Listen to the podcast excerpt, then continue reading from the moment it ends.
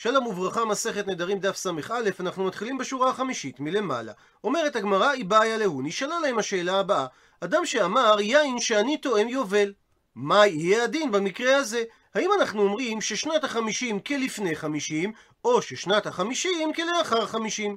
ומעיר הר"ן, שלא ייתכן להסביר את שאלת הגמרא כמו הנוסח שבו היא מופיעה, שהרי הגמרא לא פשטה את הבעיה הקודמת. מה הדין כאשר אדם אמר את הלשון יום, האם כוונתו כהיום, או כוונתו יום אחד?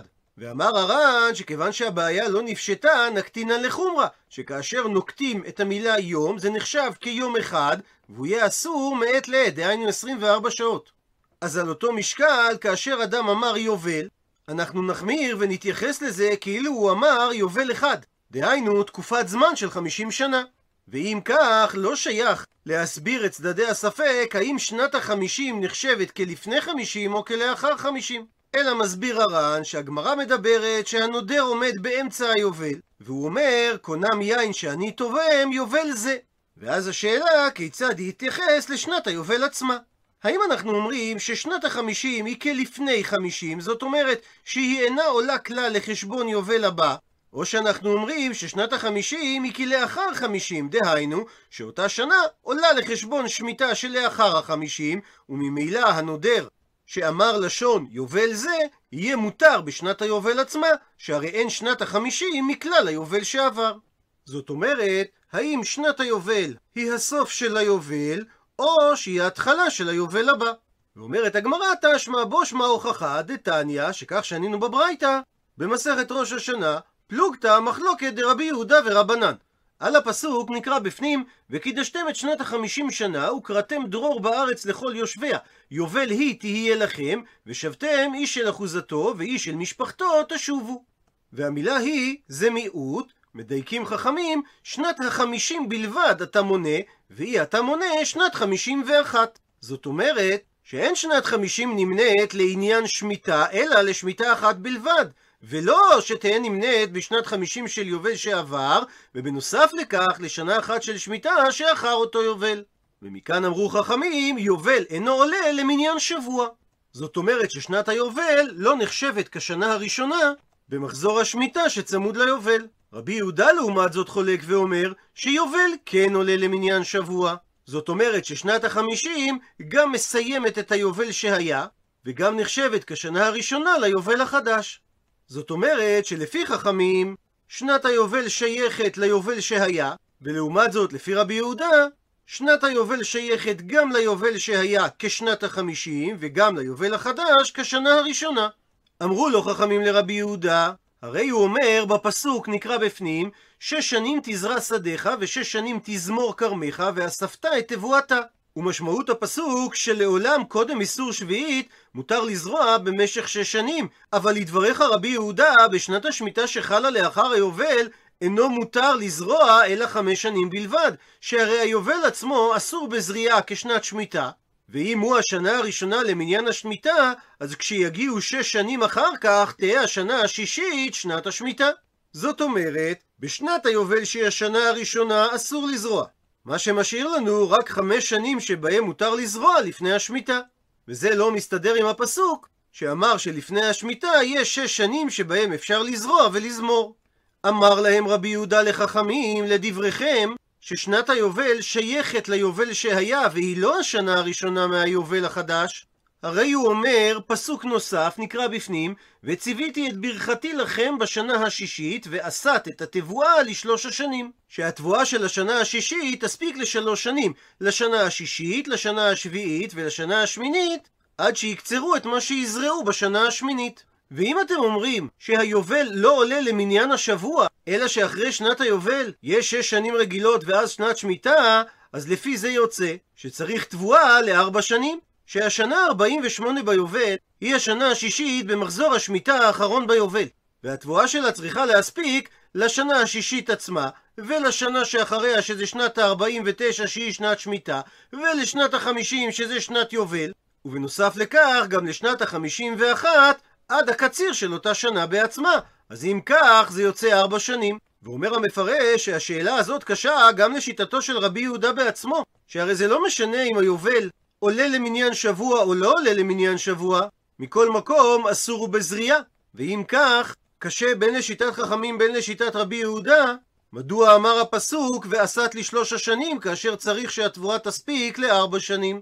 אלא בהכרח מסביר רבי יהודה, איכא לאוקמה צריך להעמיד את הפסוק בשאר שני שבוע. דהיינו, בשש השמיטות הראשונות ולא בשמיטה השביעית שמסתיימת ביובל. לפי זה, דילי נמי, גם את הפסוק שממנו הקשיתם עליי, שאומר שלפני השמיטה יש שש שנים לזרוע ולזמור, איכא לאוקמה יש להעמיד אותו בשאר שני שבוע. שהוא מתייחס לשאר השמיטות ולא לשמיטה הראשונה הסמוכה ליובל.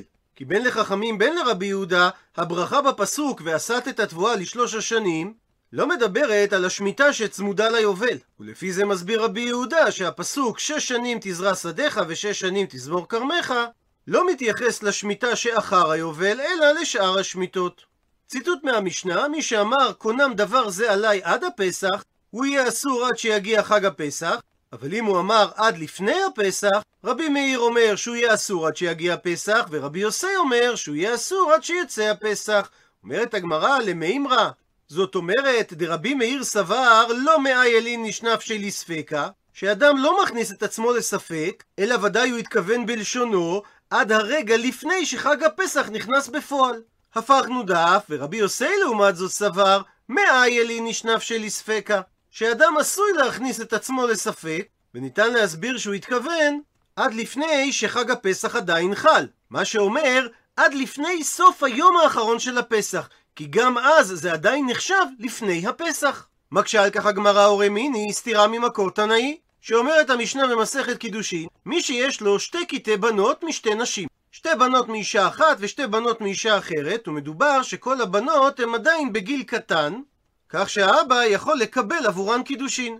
ואמר האבא, קידשתי את בתי הגדולה, ואיני יודע אם זו הייתה הגדולה שבגדולות, אם זו הייתה הגדולה שבקטנות, ואם זה היה הקטנה שבגדולות, שגם היא באופן יחסי גדולה מן הגדולה שבקטנות. והדין במקרה כזה, שכולן אסורות, ולפי גרסת הבח, חוץ מן הקטנה שבקטנות. זה דברי רבי מאיר. שהרי האבא אמר, בתי הגדולה קידשתי. הגדולה שבגדולות ודאי נחשבת גדולה. והגדולה מהקטנות גם היא נחשבת גדולה יחסית לאחותה הקטנה ממנה.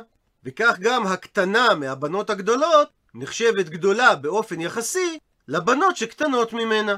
והבת היחידה שוודאי אותה הוא לא קידש, אומר רבי מאיר, זו הבת הכי קטנה. רבי יוסי לעומת זאת חולק ואומר, כולן מותרות, חוץ מן הגדולה שבגדולות. כי רק הבת הכי גדולה היא זו שבוודאות ניתן לומר שאליה התכוון האב.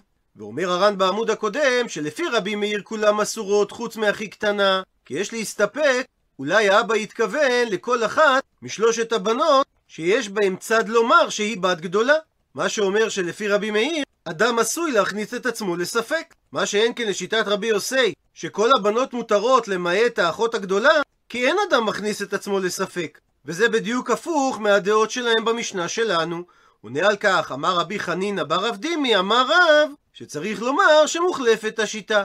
כלומר, צריך להפוך את הדעות של המשנה שלנו, ולומר שלשיטת רבי מאיר, אדם עשוי להכניס את עצמו לספק, ולכן הדין יהיה שהנדר אוסר אותו עד שיצא הפסח, ואילו לרבי יוסי שאדם לא עשוי להכניס עצמו לספק, הדין יהיה שהנדר אוסר אותו עד שייכנס הפסח. ומביאה הגמרא סייעתא לדברי רב והתניא, יש תוספתא שתומכת בדברי רב שאכן מוחלפת השיטה במשנתנו, שאומרת זה הכלל כל שזמנו קבוע, כגון רגלים. ואמר הנודר עד לפני הרגל, רבי מאיר אומר שהנדר אוסר אותו עד שיצא הרגל, ורבי יוסי אומר שהנדר אוסר אותו רק עד שיגיע הרגל.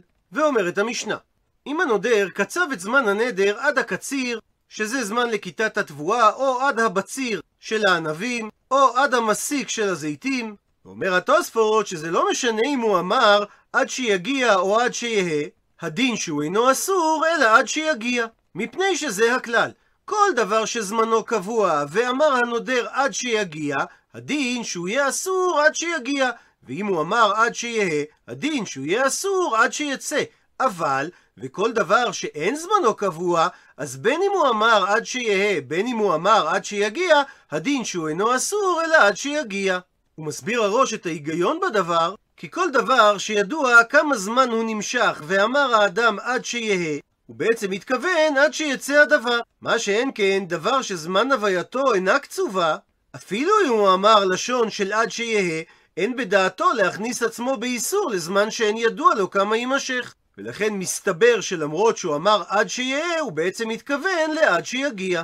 וממשיכה המשנה ומביאה דוגמה נוספת לדבר שאין זמנו קבוע. אם הנודר אמר עד הקיץ, הוא מסביר הר"ן שקיץ זה זמן לכיתת פירות התאנים, וזה נקרא קיץ לפי שקוצצין את התאנים ביד. אז זה לא משנה אם הוא אמר עד הקיץ, או שהוא אמר עד שיהא הקיץ, הדין עד שיתחילו העם להכניס בכלכלות. שהוא אינו אסור, אלא עד שיתחיל העם להכניס תאנים בכלכלות, שזהו תחילת הקיץ. מפני שהקיץ, דהיינו זמן לכיתת פירות התאנים, אין זמנו קבוע. אבל אם הוא נקט לשון של עד שיעבור הקיץ, במקרה כזה הדין יהיה שהוא יהיה אסור עד שיקפילו המקצועות. דהיינו, עד שיצניעו, יאפסנו את אותם סכינים שמיוחדים לחתוך את התאנים, כשעושים מהם עיגולי דבלה, שהסכינים הללו נקראים מקצועות. כמו שמוזכר בישעיה, יעשהו במקצועות. וגם עיגולי התאנים עצמם נקראים כך על שמן, בשם קציעות. והראש במקום מביא פירוש נוסף, שמדובר על קיפול המחצלאות שמייבשים עליהם את התאנים בשדה. ולאחר שמכניסים את התאנים, מקפלים את אותם מחצלות כדי לשמור אותם לקיץ הבא. ואומרת הגמרא, לגבי מה שאמרה המשנה, שאדם שנדר עד הקיץ, שזה עד שיתחילו העם להכניס בכלכלות, טענה ששנינו על כך בברייתא, שהכלכלה שאמרו במשנה זה כלכלה של תאנים ולא כלכלה של ענבים. מפני שתאנים נקצצות ביד ולכן לכיתתן קרויה קיץ, מה שאין כן ענבים שלא קוצצים אותם ביד אלא על ידי סכין. והפעולה הזאת לא נקראת קיץ אלא חיתוך. ומביאה הגמרא תניא, שנינו בברייתא, הנודר מפירות הקיץ אין אסור אלא בתאנים, אבל בענבים הוא יהיה מותר. רשב"ג לעומת זאת חולק ואומר שענבים בכלל תאנים. כך שלפי רשב"ג, הנודר עד הקיץ יהיה אסור עד כלכלה של ענבים, ולא רק עד כלכלה של תאנים. ושואלת הגמרא, מה איתם עד קמא, שאמר שהנודר מפירות הקיץ מתייחס רק לתאנים? עונה הגמרא, כי כסבר תנא קמא, תאנים מקצצן בידה, ענבים לא מקצצן בידה. שענבים בשונה מתאנים לא מקצצים אותם ביד אלא בשקית, ולכן הם לא נכללים בלשון הנדר עד הקיץ, שזה מתייחס רק לתאנים. ורבה שמעון בן גמליאל לעומת זאת סבר, ענבים נמי, כי מרדדן מקצצן בידה. שיש מציאות שכשמתבשלים הענבים יפה יפה, הם נושרים מן האשכול, כי אז כבר יבשו עוקצי הענבים, ואז ניתן לקצוץ אותם ביד ולא צריך להשתמש בסכין, ולכן הם נחשבים כמו תאנים לפירות הקיץ. עד לכאן דף ס"א.